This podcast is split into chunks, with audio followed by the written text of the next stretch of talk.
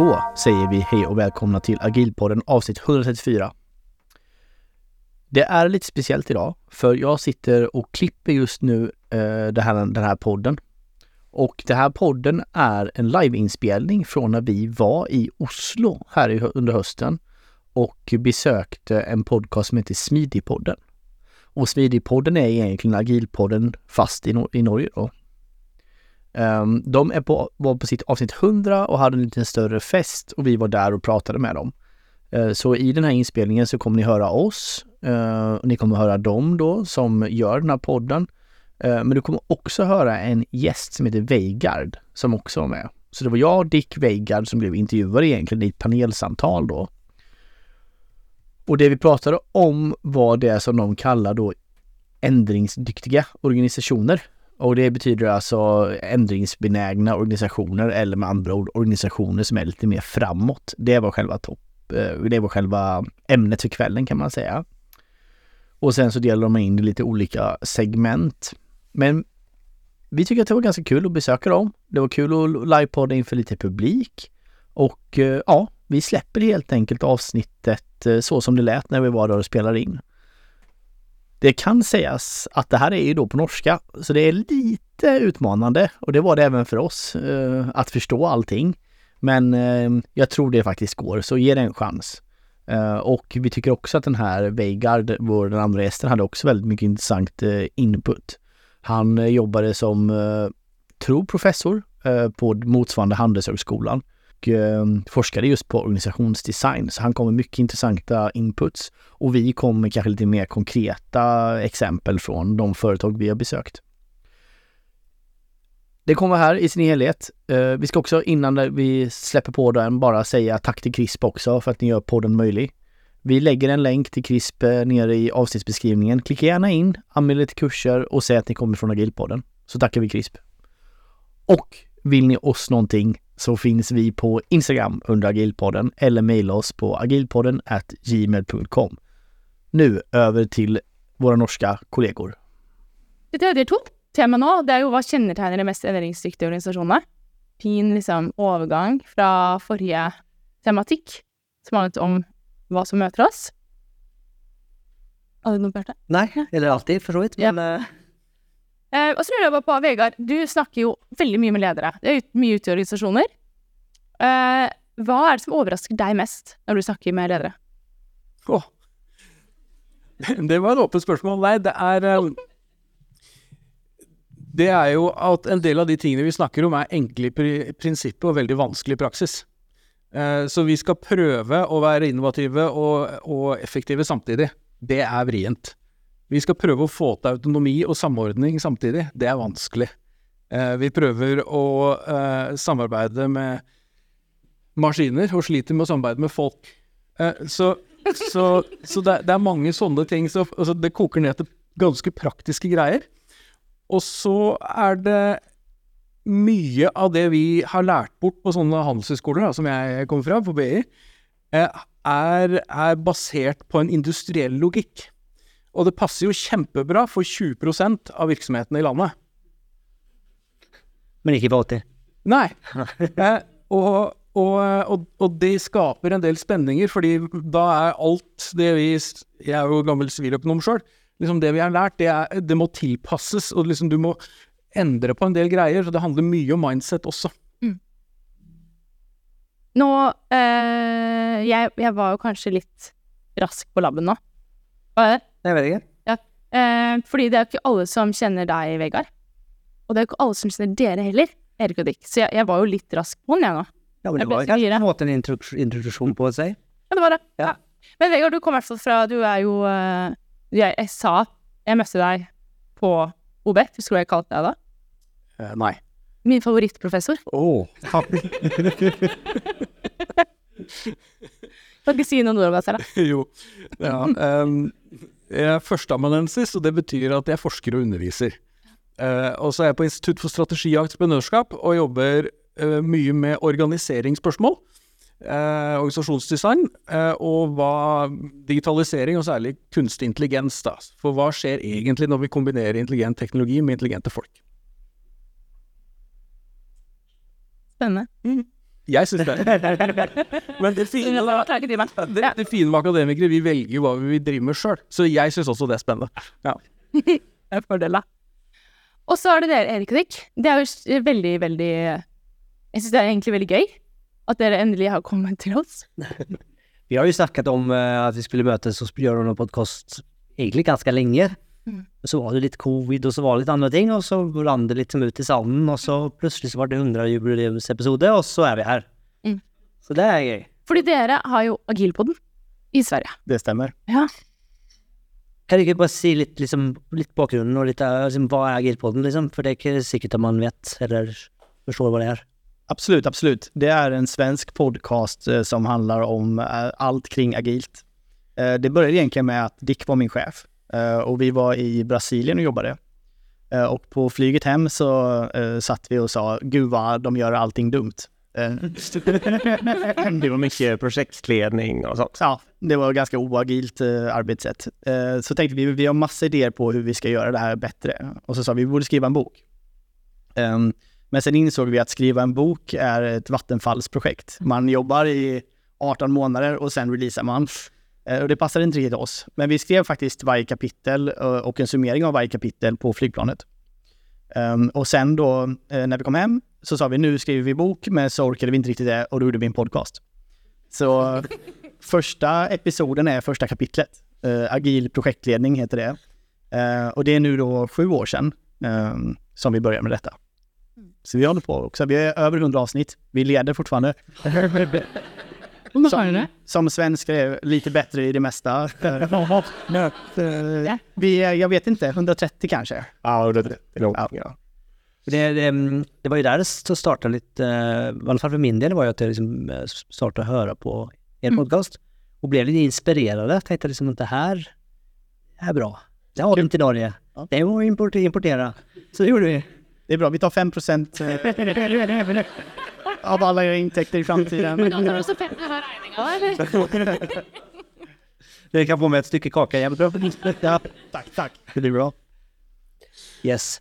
Vi, eh, som sagt, som du sa Ida, så ska vi snacka om vad som kännetecknar ändringsduktiga organisationer. Det er helt riktig. Och vi tänkte på att vi delar det lite upp för att pröva hålla lite ordning i dialogen. Vi prövar i alla fall börja då. Så vi tänkte starta med strategi. Mm. Och det vet jag du kan en del om VR, så jag tänkte liksom bara öppna sån öppet spörsmål igen. De organisationer som gör det bäst, som, som, hvordan jobbar de med strategi? I, och liksom tänker jag liksom, är inte de 20 procenten som man gör det som man lär sig på, på Handelshögskolan, utan de, de andra, de som faktiskt kanske står i ändring, som står i komplexitet. Ja. Hvordan jobbar de med strategi? Um, jeg tror hvis, hvis vi hadde lukket øynene våre nå og jeg hadde sagt strategi, så tror jeg de fleste ser en plan.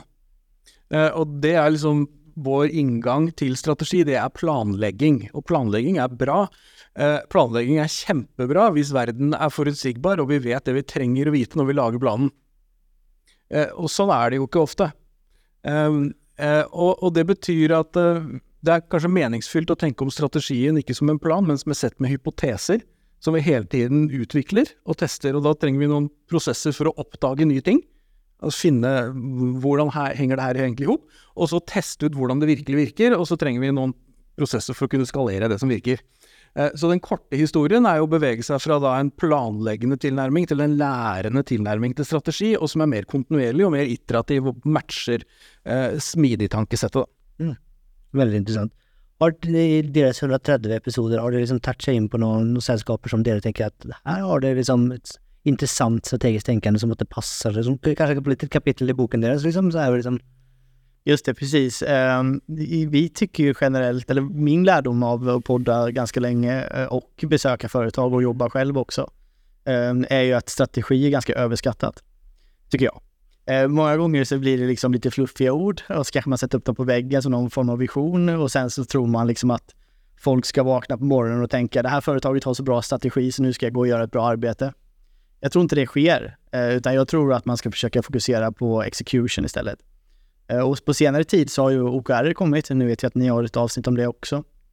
Ehm, där jag tycker att man tar bort det fluffiga i strategi och istället kanske sätter ett mål eh, med en ambition och sen sätter fram vilka saker behöver vi göra för att närma oss det målet. Så jag är förtjust i det sättet att arbeta på. Inte om du vill addera? Ja, skönheten i OKR är väl lite att man löser, så att säga, man skapar strategin ungefär samtidigt som man eh, säkerställer att den går att exekvera på. Liksom. Man gör det mer eller mindre momentant och man lyckas få organisationen att jobba aktivt med OKR. Och det är väl fantastiskt jämfört med att lägga jättemycket tid och energi i ett hemligt rum på en strategi först som man tycker är fantastisk och som ingen sen förstår eller orkar liksom ta tag i eller någonting. For å bygge på det, da, fordi at äh, det jeg tror alle trenger, eh, eller har god nytte av, det er jo å ha en, en, en eller annen langsiktig retning. Altså, vi er her av en eller annen årsak, vi har en mening, det er et purpose. Eh, og dette er slik vi er, på en måte en identitetsgreie. Eh, fordi hvis vi skal ha stor grad av autonomi, som veldig mye av smidig bygger på, eh, og du skal ha at folk skal gå cirka i samme retning når du slipper dem fritt, så må de ha samme liksom, bilde av verden i seg. Så, så du, du trenger noe som gir den felles retningen. Eh, og så har strategi typisk vært at liksom, det er vår sånn produkt-markedsposisjon, og det blir altfor statisk. Så det er ikke hva det er ikke liksom, Da blir strategien mer hvordan vi søker, mer enn hva vi finner. Ikke sant? Så det er vår metode for å jobbe strategisk. Det er mer der disiplinen ligger enn, i, enn å følge en, en oppskrift 100 Innan bare Ok, Nei, um, veldig, for det jeg tenker som, som jeg er veldig enig med dere begge to, men, men det som ofte kan oppleves at du kan bli um, oppsluket i, i hverdagen. Om det blir liksom, du agerer på det du ser, og så er det noe sånt så, som du sier, som hva, hvordan vet vi at vi faktisk liksom prøver å beväga oss i samma riktning. Så det är noen liksom runt den liksom koordineringen, det är nog liksom, liksom att kunna ha den autonomin innanför noe, da.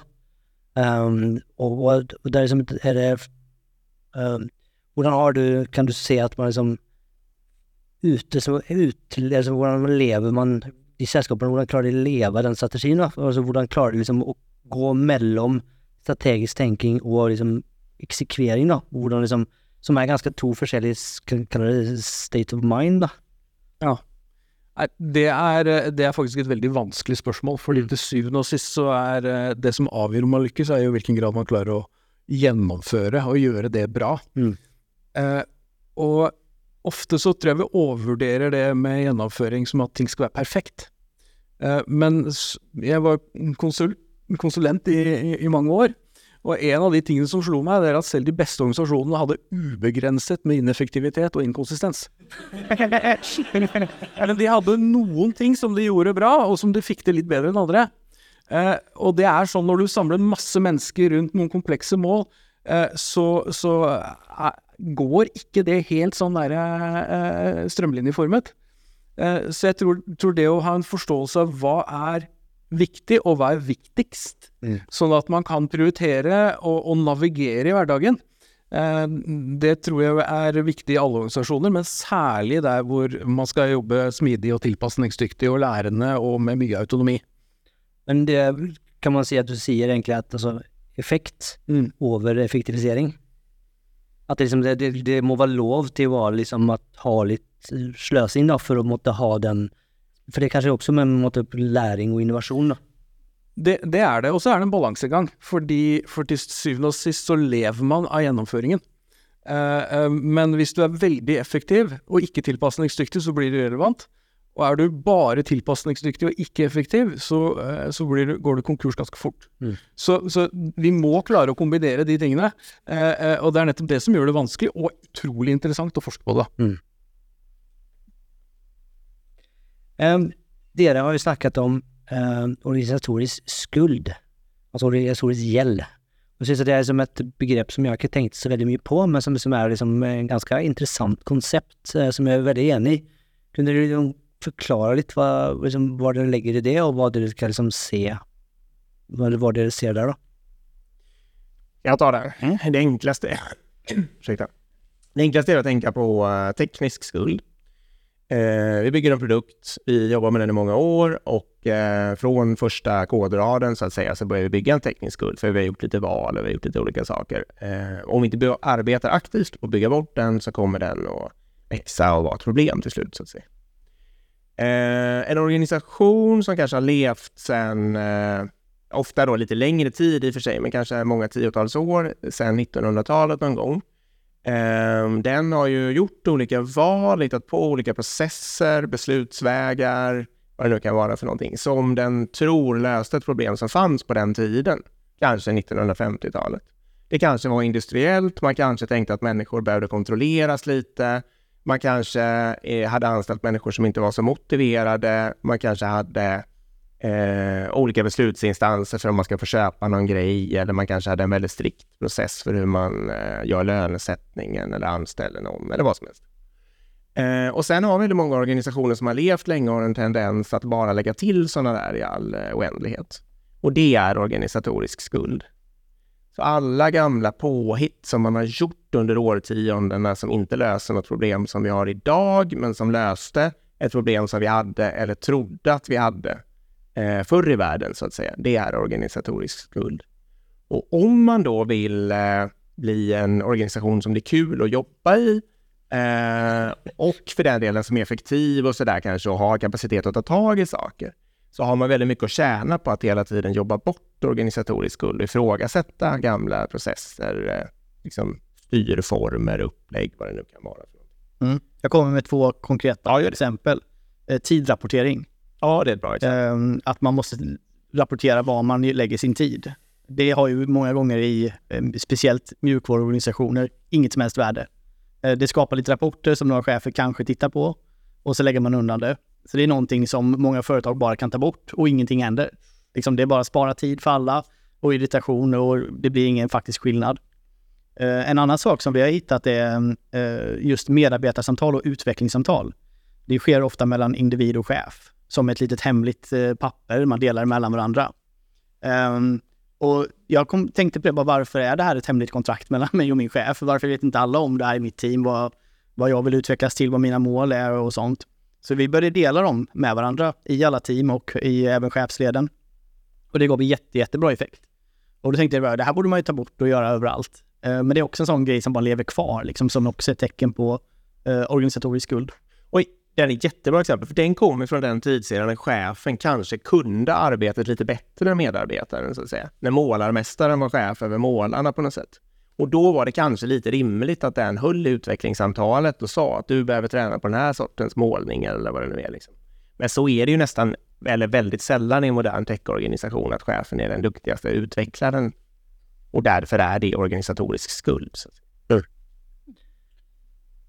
Jeg syns det kan være veldig interessant å skille på For når du snakker om organisatorisk gjeld eller skuld, så um, ehm, tenker man jo fort på prosesser. Sant? Um, men jeg syns det kunne vært interessant å snakke om ok, men hva med prinsipper versus prosesser?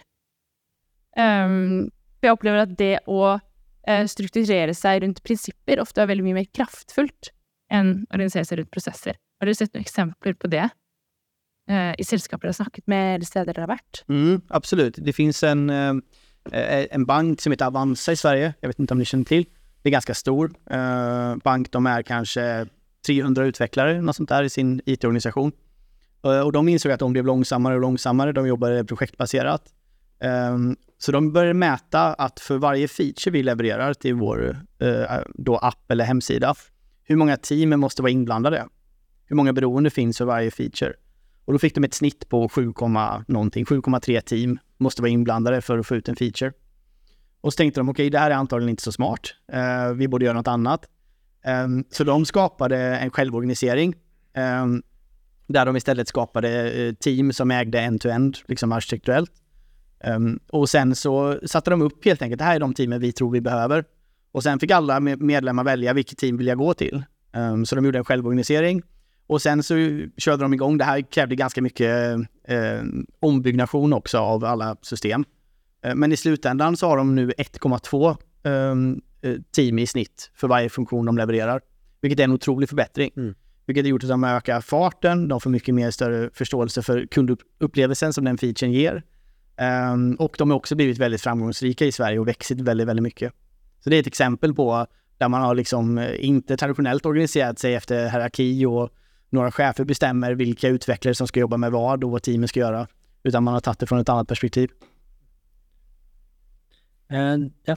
Kan jeg bare nevne, det er litt sånn geeky side note, da. Men, eh, men eh, når man snakker om kompleksitet, Så en måte å beregne det på gjennom en sånn NK-modellering, og da er kompleksitet antall elementer og avhengighetene mellom dem. Mm.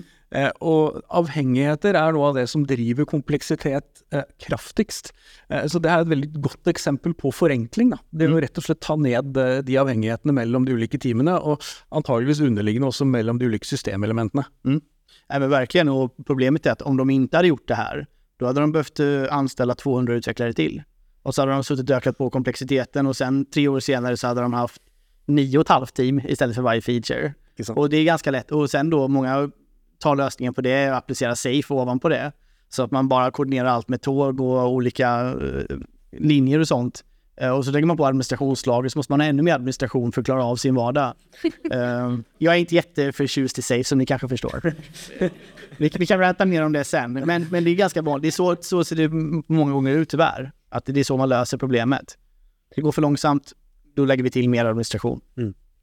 Eh, Du, du så, nämnde så vidt eh, lönn, att det är en sån gammal process.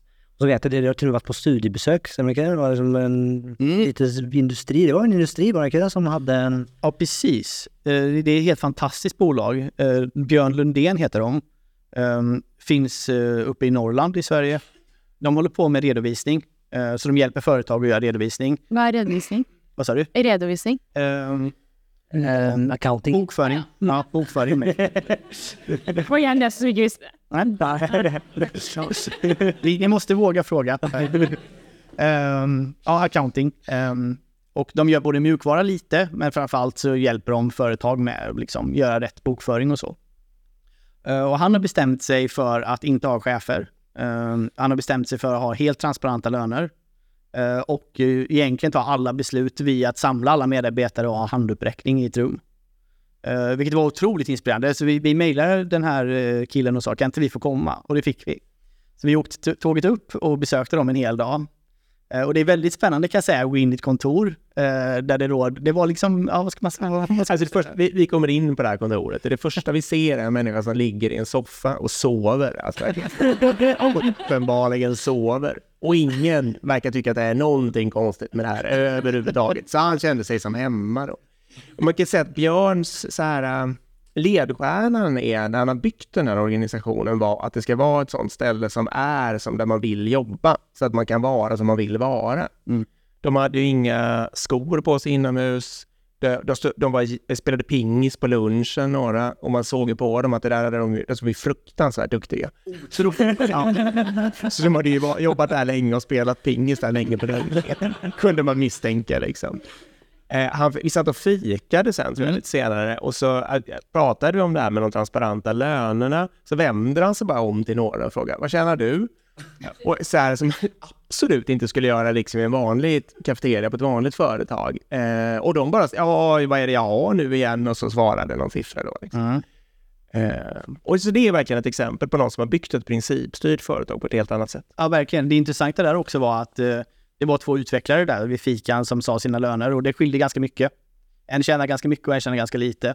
Och då var hans första fråga, förstår du varför den personen tjänar mer än vad du gör? Är det motiverat liksom? Och det tyckte den personen då att ja, jag kanske ligger lite lågt, men jag förstår ändå varför. Um, och även deras lönerevision så hade de, de visade, då hade de byggt ett litet webbprogram. Um, så då fick man gå in och ge, eh, uh, person- de röstade först hur mycket av uh, vinsten de skulle sätta av till löneökningar. Uh, och sen så fick man gå in och, och ge alla vad jag tyckte att du skulle ha då. till- Jag tycker du ska ha 1000 och du ska ha 800 och du får 200. Och sen får man average av det som alla har satt liksom. Eh, Nej, ganska smart. Ja, det är ganska smart. Eh, jag kan säga, det fanns några som inte var helt nöjda. Eh, men det var eh, ändå en väldigt, väldigt, väldigt, väldigt intressant. Och det är alltid kul med företag som gör lite, lite annorlunda. Men diskuterte ni rundt eh, nedsidene? Hva gjør du på den måten? En gång till. Utfordrer, altså Hva, eh, diskuterte dere utfordringene? Hva gjør du på den siden? Den måten? nack, nackdelar. Nackdelar, okej. Eh, alltså jag ska bara, jag, jag fyller in en snabb anekdot här. Eh, för Dick sa så här, jag, jag vet inte om jag förstår norska. Och jag sa, det är lugnt, jag kan. Eh, Men sen, sen när vi kom hit så var jag lite nervös eh, när vi kom till hotellet, för jag tänkte, kan jag norska?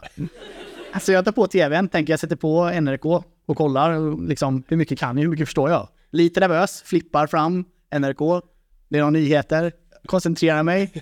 Jag skulle säga 90 procent förstår jag, eh, ungefär. Och du förstår kanske lite under 90 procent då, så ja. Ja, vi har nackdelar. Nackdelar, vi har Ja, men- här. Nack, nackdelar var, eh, det var en tjej som jag satt bredvid när hon jobbade. Hon tyckte liksom att, eh, hon tyckte det här var riktigt jobbigt att, eh, att sätta löner på sina kollegor. Mm.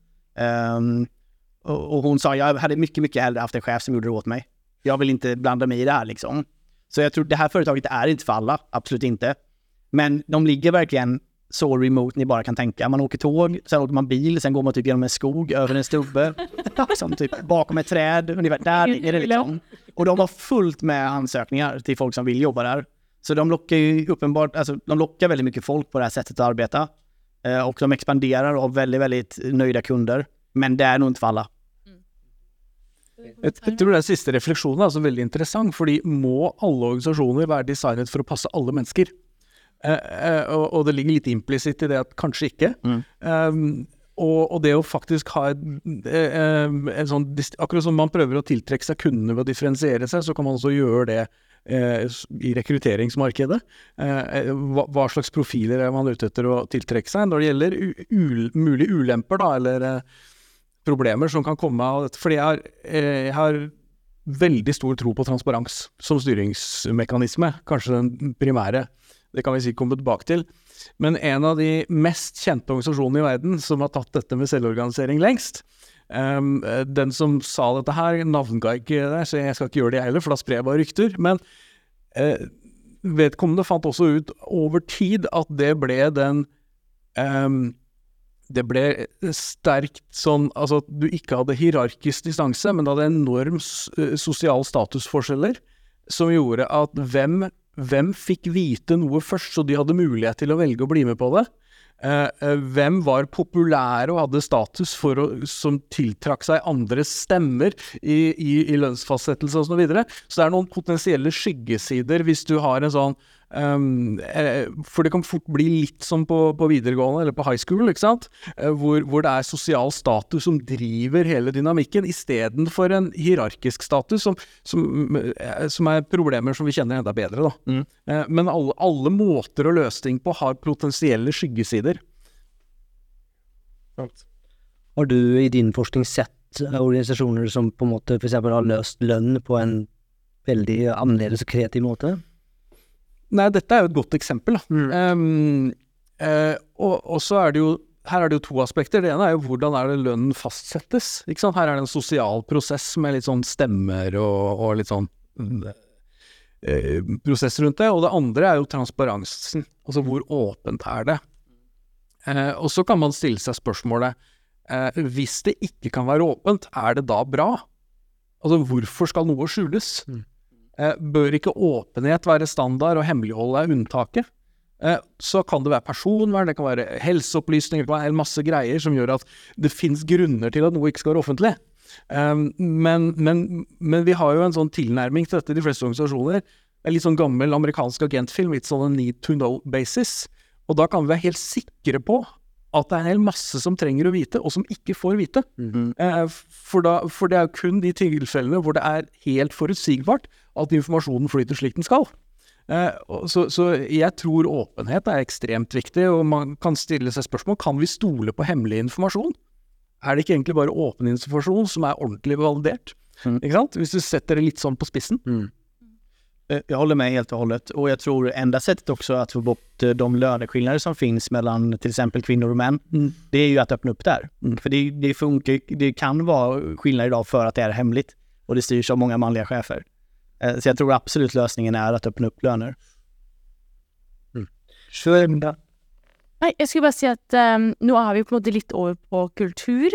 Um, nå tenker jeg at uh, Jeg har lyst til å stille spørsmålet. I, vi har jo snakket om, Tobias, at Eh, norsk kultur på mange måter tilrettelegger for smidig eller agil. Um, hva er deres opplevelse rundt svensk kultur? Er det en enabler, eller er det mer krevende, eller er det Jag tror att eh, det här har vi nog hört också, några som har, någon av eh, författarna till manifestet eh, som har varit med. Att de, det var väl eh, Kalifornien som nämndes förstås, men även Nederländerna och Skandinavien. Att agil kultur har lite lättare för att flyga på sådana ställen och att det beror på kanske, man kan hitta olika element förstås, men kanske på att människor har mindre hierarkisk, med mer självtänkande liksom från början. Lite mera benägenhet att vara autonom och inte bry sig om hierarkin lika mycket som i många andra ställen. Och då har de ganska lätt att ta till sig en agil kultur och komma igång så att säga. Eh, så det tror jag är en likhet mellan Sverige och Norge. Mm. Har du sett några du Vegard? Jeg er ikke en ekspert på det. Jeg tror forskjellen på Norge og Sverige er relativt små. Men i den store sammenhengen så tror jeg det kan stemme. Jeg, da jeg i eget doktorgradsprosjekt så studerte jeg det vi kaller collaborative communities, eller eh, selvorganiserte kollektiv, eller samhandlingsnettverk, eller hva vi kaller det. Eh, og for de som er kjent i tech, så er jo open source software et sånt godt eksempel på det. Jeg studerte andre organisasjoner, da, sånn som innen medisinsk forskning og sånt. Og der snudde vi på, på det når vi skulle se etter case, for da så vi at fordi vi kan tilpasse oss og bli mer smidig innenfor en tradisjonell struktur, fordi kulturen tilpasser det. Hvis du skal se de radikale strukturelle bruddene på liksom, gamle måter å organisere seg på, hva om å se etter de kulturene hvor, som tradisjonelt er veldig patriarkalsk og hierarkisk? Der må du finne de tydeligste strukturelle bruddene for å få det til. Uh, så jeg fant det kuleste caset i India. Uh, uh, og, og, da, da men, men der var men da måtte de også jobbe veldig eksplisitt på å bryte strukturene. og dermed så ble liksom før og nå, eller hva de gjorde, og hva som vanligvis blir gjort, den distansen ble enda større. Fordi, fordi du måtte gjøre det for å få det til. Mm, det kan man tänka sig. Och kan man, kan man tänka sig att effekten där också blev större? Att det liksom på något vis att eh, REF får tillträcka sig eh, nyansatta och få folk till att bli och alltså var det någon liksom IF för liksom At det var liksom en attraksjon eller liksom kraft i bare å være annerledes? Det tror jeg, og, og det hører f.eks. fra Telenor, da, som dels er i Norden og dels i Asia. Eh, det er jo at, kall det den nordiske, eller de kaller vel det norske sikkert, men modellen da, for, for ansattinvolvering og ledelse og, og, og, organisering, det er en vesentlig del av det skal vi si, employee value proposition da, i de kulturene. For de tiltrekker seg folk, fordi det, det er det har folk ja, sånn har folk lyst til å jobbe. Mm. Så det er iallfall det de sier selv. Mm. Mm. Vi var jo inne litt i forrige episode og snakka liksom om fremtiden og, og usikkerhet, eh, endring. Mm. Uh, og det er jo kanskje mange som liksom kan kjenne på det, da. Um, liksom, hva, hva, gjør man, hva gjør de beste organisasjonene for å liksom, håndtere den usikkerheten og endringen? Um, her er det jo mange dimensjoner. Mm. Um, så noe er jo å erkjenne at den er der og ikke late som den ikke fins. Sånn at det, det, det, er starten. Hvis vi tenker på organisering, så tror jeg vi må slutte å tenke at organisering er struktur i tradisjonell forstand.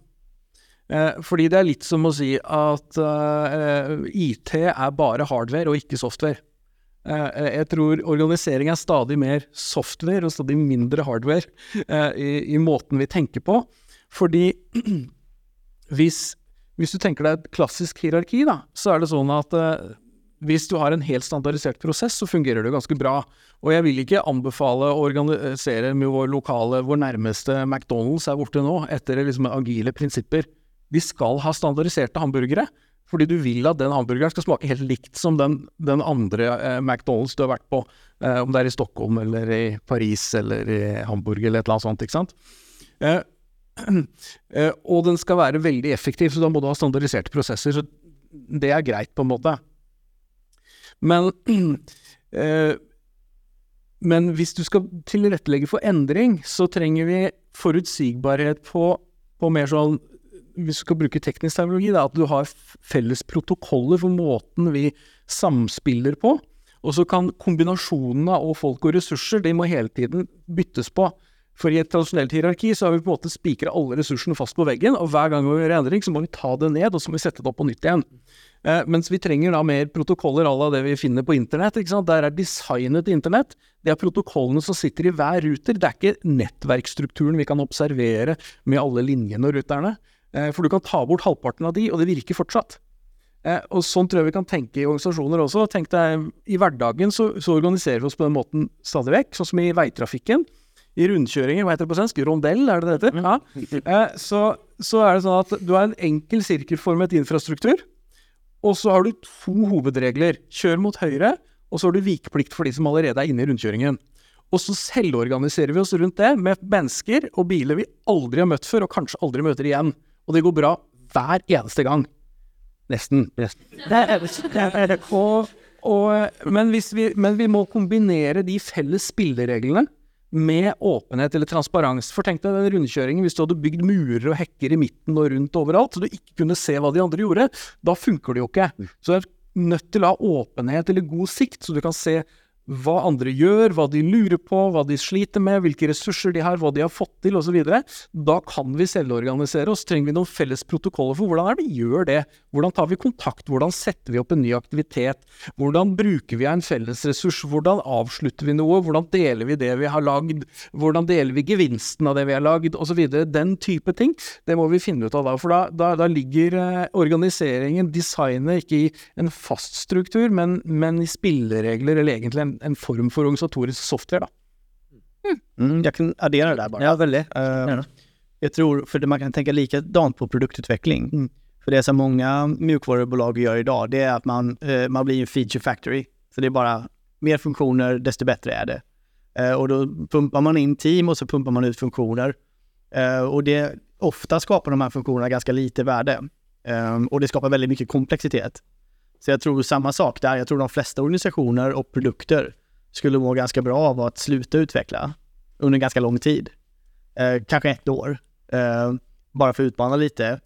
Och bara stanna upp och titta på sin interna komplexitet och titta på det här. Hur kan vi simplifiera det vi gör? Och hur kan vi redistribuera också människor till det som vi verkligen ser folk använder eller där vi faktiskt tjänar pengar? Eh, och stoppa upp den här lite feature factorn som, som alla bolag håller på med Eh, själv som användare så är jag ganska irriterad på ah, när man går in på sin bankapp till exempel och så är det, har de flyttat allting igen och sen nästa vecka är allt flyttat igen och sen är det en ny layout och ny design. Jag menar, om mina barn ska vara lediga från skolan eller förskolan, det är typ tre appar som jag måste gå in i, i olika flöden. Det är helt omöjligt i Sverige i alla fall att hitta i de här sakerna. Um, så jag tror vi måste gå tillbaka lite till simplifiera, sätta användaren i fokus, ta bort komplexitet, skapa mer liksom, flexibla organisationer. Det tror jag eh, många företag skulle må bra av att göra nu, speciellt i lite tuffare tider. Mm. Uh, ja. Mm. Nei, eh, jeg tenkte kanskje vi skulle hoppe litt videre til struktur. Ja. Eh, og snakke litt om eh, hvordan de beste organisasjonene løser elementer som, eh, som ledelse. Vi har jo snakket, Du begynte å snakke litt om det. Uh, om vi skulle fortsatt litt det sporet. Ja, for kanskje for i ditt eksempel der, altså hvordan ser ledelse ut i en sånn organisasjon? Og det kan, er, det, er, det, er det noe annet enn man lærer seg på Handelshøyskolen? Nei, ikke på B, altså hvis du går på kurs. så kommer det her til å gå veldig bra. Så det er en generelle anbefaling hvis det er liksom én ting dere skal ta med dere her. uh, nei, altså jeg, jeg tror de tingene vi vet om god ledelse, rundt eh, samling rundt noen felles mål og, og, hensikter som gjør at vi forstår meningen med det vi gjør, eh, tillitsbasert ledelse, de tingene som vi, forskningen viser at det er god ledelse, eh, allmenn basis, det er også god ledelse her. Eh, så er det jo når, når mindre av lederjobben er å fortelle folk hva de skal gjøre, ikke sant, fordi i en kunnskapsvirksomhet så er jo, er jo, den enkelte medarbeider som regel best på akkurat det de gjør, bedre enn det sjefen er. Mm. Sånn som dere var inne på, ikke sant. Eh, og da, da ligger det jo mer de tingene som handler om å utvikle de ansatte, sørge for at vi fokuserer på de rette problemene, eh, at vi kanskje har felles, noen felles metoder eller som gjør at vi kan jobbe effektivt sammen. Eh, å skape en felles kultur. Og, og det, det, jeg ser særlig eh, For jeg har gjort noe, en, veldig interessant prosjekt siste året sammen med forskerkollegaer i Accenture knyttet til eh, bruk av kunstig intelligens i, i, naturvitenskapsbaserte bransjer. Altså sånn som farma, biotek, energi, romfart fra jordbruk. Så ser vi hvordan det kan kraftig akselerere den på en måte, oppdagelse av de vitenskapelige prinsippene og få kommersialisert dem. Förutsättningen forutsetningen for det er at man klarer en tverrfaglig organisering, og den er en extrem tverrfaglig organisering når du da skal få data science og hard science og hele greia sammen. Eh, og og eh, da får du ulik kultur som må harmoniseres. Du får ulik rytme. Fordi eh, hvis du tenker smidig, så er liksom klassisk rytme er eh, eh 14 dager. Eh, mens i naturvitenskapen så er den i hvert fall i flere måneder. Eh, eh, og så har du ulikt språk, og noen ganger så bruker man eh, det samme ordet, men det betyr helt ulike ting. Så noen av dem har da måttet jobbe med å lage en felles ordbok. For dette er det det betyr hos oss. Hvordan skal vi få til den type samspill, da? Fordi vi, vi heier veldig på mangfold, og det er mange grunner til å gjøre det. Men når du skal få Desto mer forskjellige folk er, desto vanskeligere er det å få til samarbeidet.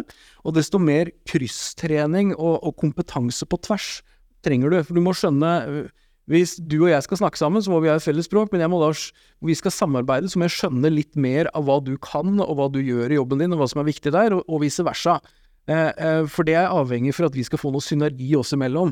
Og det blir veldig tydelig at desto mer heterogenitet vi får inn i teamene, desto viktigere er det å på en måte få ledere til å kunne eh, fasilitere gode prosesser. Mm. Här har vi ju vår favorit, David Marquette. Vill du ta den? Att eh, ledarskap för, ja just det. Eh, ju, så- det är en bok av David Marquette, en ubåtskapten som heter eh, Turning the Ship Around. Mm. Ja, precis. En av dem är ju att eh, man ska ha som eh, princip att försöka flytta mandatet till informationen. Väldigt många traditionella organisationer försöker flytta informationen till mandatet, alltså att man ska samla på sig kanske statusrapporter är väl det mest klassiska då, men det kan ju även vara beslutsunderlag och sånt där. Och sen ska man fatta besluten högt upp då i organisationen. Eh, och hans teori är ju helt enkelt att man istället ska skjuta eh, mandatet så långt ut det någonsin går, där informationen redan finns. Och då blir man snabb och förändringsbenägen och får en ledningsstruktur där alla kan leda det arbetet som de behöver autonomt långt ut i organisationen.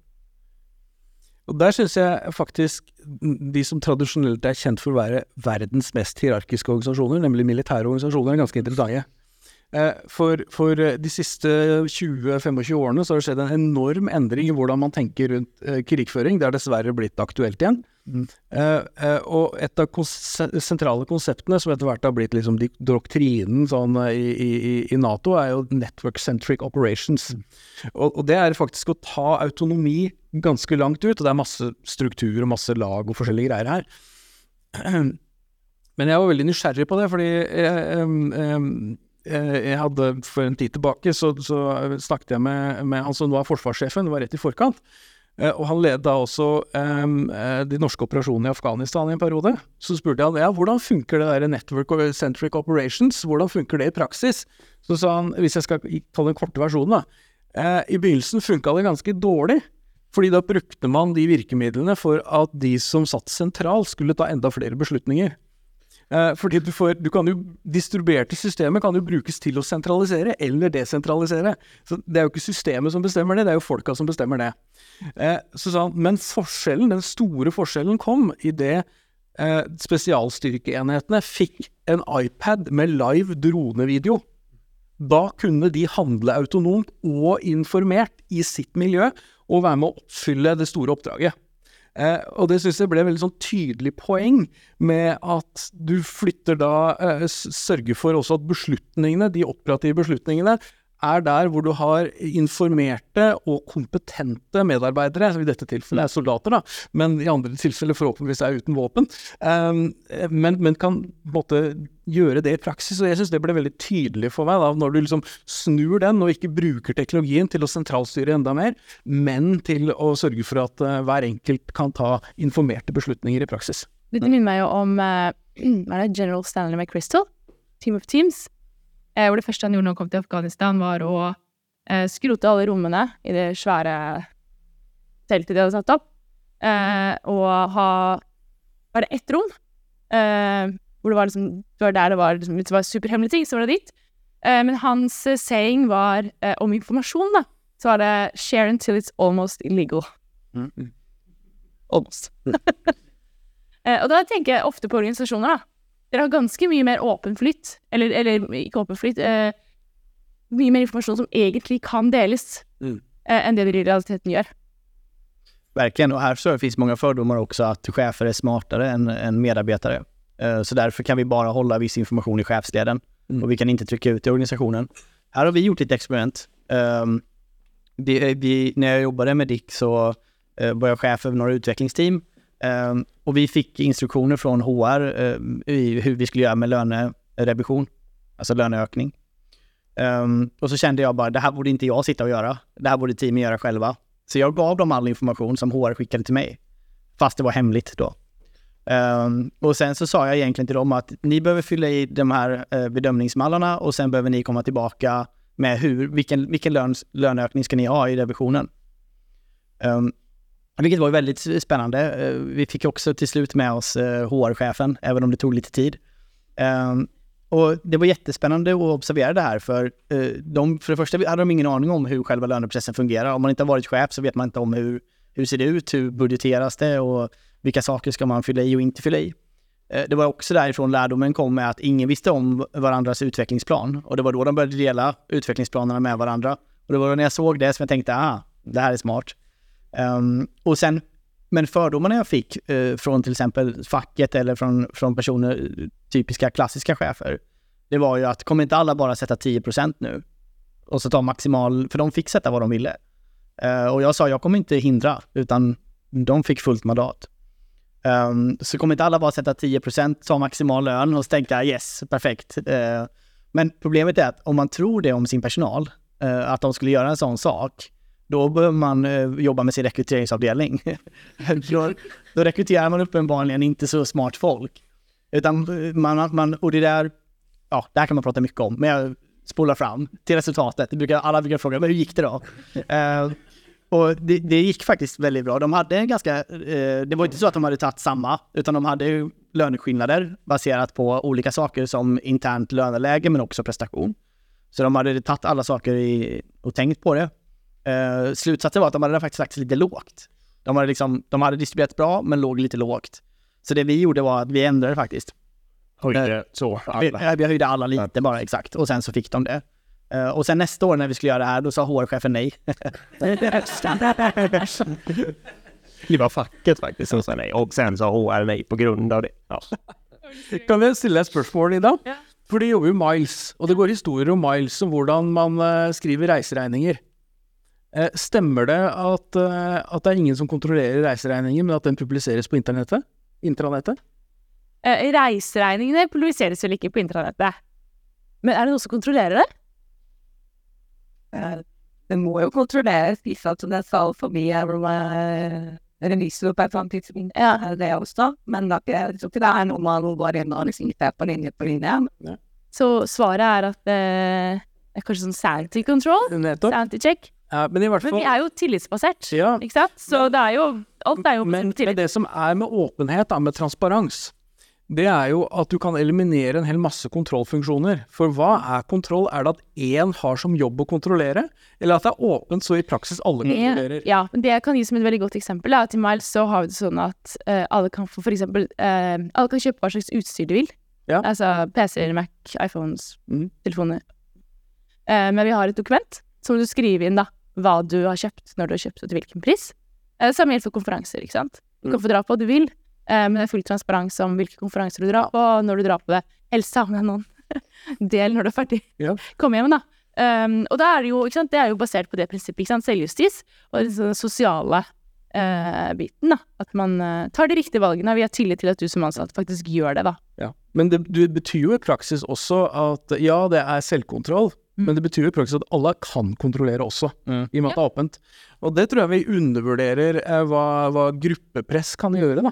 Ja, Ja, bare, bare se en tenåring, altså jeg har barn på videregående skole og sånt, altså jeg mener, de hører jo mer på, på, på gruppepress i, men blant venner enn på meg. Ja. Eh, eh, og er det liksom autoritetsrelasjonen som er den mest styrende for folks atferd? Det er jo mer disse eh, Ofte så er det disse sosiale tingene, særlig hvis det er en litt sånn tettvevd eh, organisasjon, da. Precis, det vet jag på, nu jobbar jag på Spotify och innan min tid på Spotify Eh, då vet jag att eh, res, alltså folk reste för mycket eh, internt och det blev ganska dyrt. Eh, och då, då, kom man på, då tänkte man på just det här, hur ska vi reglera det? För då skulle man ju kunna sätta någon chef som ska godkänna innan. Eh, Men dit ville man inte gå då. Så då gjorde man precis så. Det här var fortfarande när alla jobbade fysiskt på kontor. Men då var man tvungen att, att skriva eh, den summerade siffran i hur mycket har det här teamet rest för på sin stand-up board. Eh, och då kunde man se liksom att okej, de har rest för 20 000, 20 000, 300 000, noll och så vidare. Och då blev det lite jobbigt att skriva kanske två miljoner där på sin tavla inför alla. Uh, up and out business class till New York fyra gånger senaste kvartalet. Um, så det, det, det, det var så det blev uh, självreglerat sen. Mm. Och det är så fortfarande, vi har fortfarande ingen kontrollfunktion på det. Tiden løper som vanlig eh, fra oss. Så gjør det. Eh, Men et, et, bare en sånn siste refleksjon, så vil jeg høre om er enige. Jeg synes mye av det dere har snakket om nå, er at selskaper som gjør det bra, de gjør det eh, de gjør ikke de lette tingene, de gjør egentlig ting, altså veldig mye vanskelige ting. Och är det kanske det då, att det är liksom, man tör att göra vanskliga ting, svåra ting, man tör att stå i det, och man tör faktiskt att testa ut ting, och kanske göra ting på andra måter. Alltså jag skulle, spontana tanken som dyker upp är att det måste inte vara så att de gör svåra saker eller något sånt där. Eh, egentligen, många saker i ledarskap och organisationsteori är ganska enkla. Vi har touchat mycket sånt där. Men det som gör de organisationerna som vinner och blir förändringsbenägna, jag skulle säga att det är att de vågar göra annorlunda än alla andra. Det kan fortfarande vara enkla, smarta saker som, som ett barn skulle kunna komma på, så att säga, och som är självklara, men ingen annan gör dem. Och de, de som har modet, de tror jag har lättare att bli vinnare i en osäker värld. Jag håller med. Og disiplin da, det jo ikke å følge planen, men, men det er jo f.eks. å eksperimentere på en disiplinert måte som gjør at vi lærer av det hver gang vi gjør det, så vi ikke gjør alle feilene om igjen. ikke sant? Eh, fordi det er noe av utfordringen hvis det er veldig mye autonomi, og man ikke har læringsmekanismer på tvers. Da blir man en organisasjon som lærer masse og husker ingenting. Mm. Ikke sant? Eh, eh, eh, og det blir ikke bra prestasjoner av det. Det är väldigt sant och jag har kommit på väldigt många experiment eh, i min karriär som jag har velat göra. Och om jag går till någon och säger jag vill göra en förändring, då blir det tungt. Då blir det nej och det går inte, det har vi gjort förr och du vet, safe tillåter inte det här och så vidare. Men eh, om man säljer in det som ett experiment, vi, låt oss testa någonting och det jag brukar göra är att jag sätter också en tidshorisont. Så jag säger vi testar det här i tre veckor eh, och sen gör vi en retro och sen då tar vi ett beslut om vi ska fortsätta tre veckor till eller strunta i det. Då kan du sälja in vad som helst. Mm. Eh, Du kan alltså, alla ska ha hatt på sig jämt när man jobbar. Vi testar i tre veckor, jag lovar de flesta kommer bara lite konstigt men okej tre veckor kan jag ha eh, Det är ganska bra tips. Eh, mm. eh, och, så tror jag, i många organisationer så, så får man associationer till risiko när vi säger experiment. men när vi inte vet hur det kommer att gå, så är det mycket tryggere, mye lavere risiko å eksperimentere enn å gjøre det vi kaller et veddemål. Det vil si at vi, vi, vi, vi gjør det i full skala med en gang, fordi vi tror det kommer til å virke. Eh, og, da, eh, og, og, og jeg bruker av og til for å liksom eh, få folk i et litt annet mindset, så kaller jeg la oss anvende en vitenskapelig metode på strategi, folkens. Eh, eh, eh, for det er, da har du to løkker. Det ene er hvordan lære av data, det er jo å utforske, ikke sant? Eh, da har du en speiderfunksjon, eller snakke med kunder eller medarbeidere, eller gå på konferanse eller et eller annet greier. Og så har du en de eh, deduktiv løkke som handler om å teste ut teorien din på data for å sjekke om det virker. Om det virkelig er sant, og under hvilke forhold det er sant og sånt. Eh, og da når vi sier ja, vitenskapelig metode, ja da får alle masse sånn der disiplin og, og, og, og, og liksom kvalitet og robusthet assosiasjoner ved det, og det hjelper ofte med å få folk til å skjønne at dette er faktisk disiplin, det. Eh, eh, fordi de blir så veldig nervøse med en gang du sier eksperiment. Eh, eh, så der har vi en kommunikasjonsutfordring. Så med det, så tror jeg vi må runde av faktisk. Ja, det tror jeg òg. Det har vært eh, kjempeinteressant. Och tack för speciellt Erik och Dick som har kört hela vägen från Sverige. Det är eh, imponerande. Det sätter Tusen tack själv. Frida, blir det en kopp kanske? Ja, det blir kopp.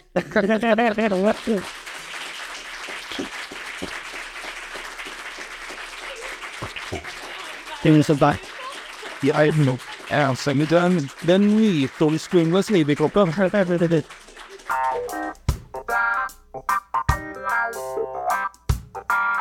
you.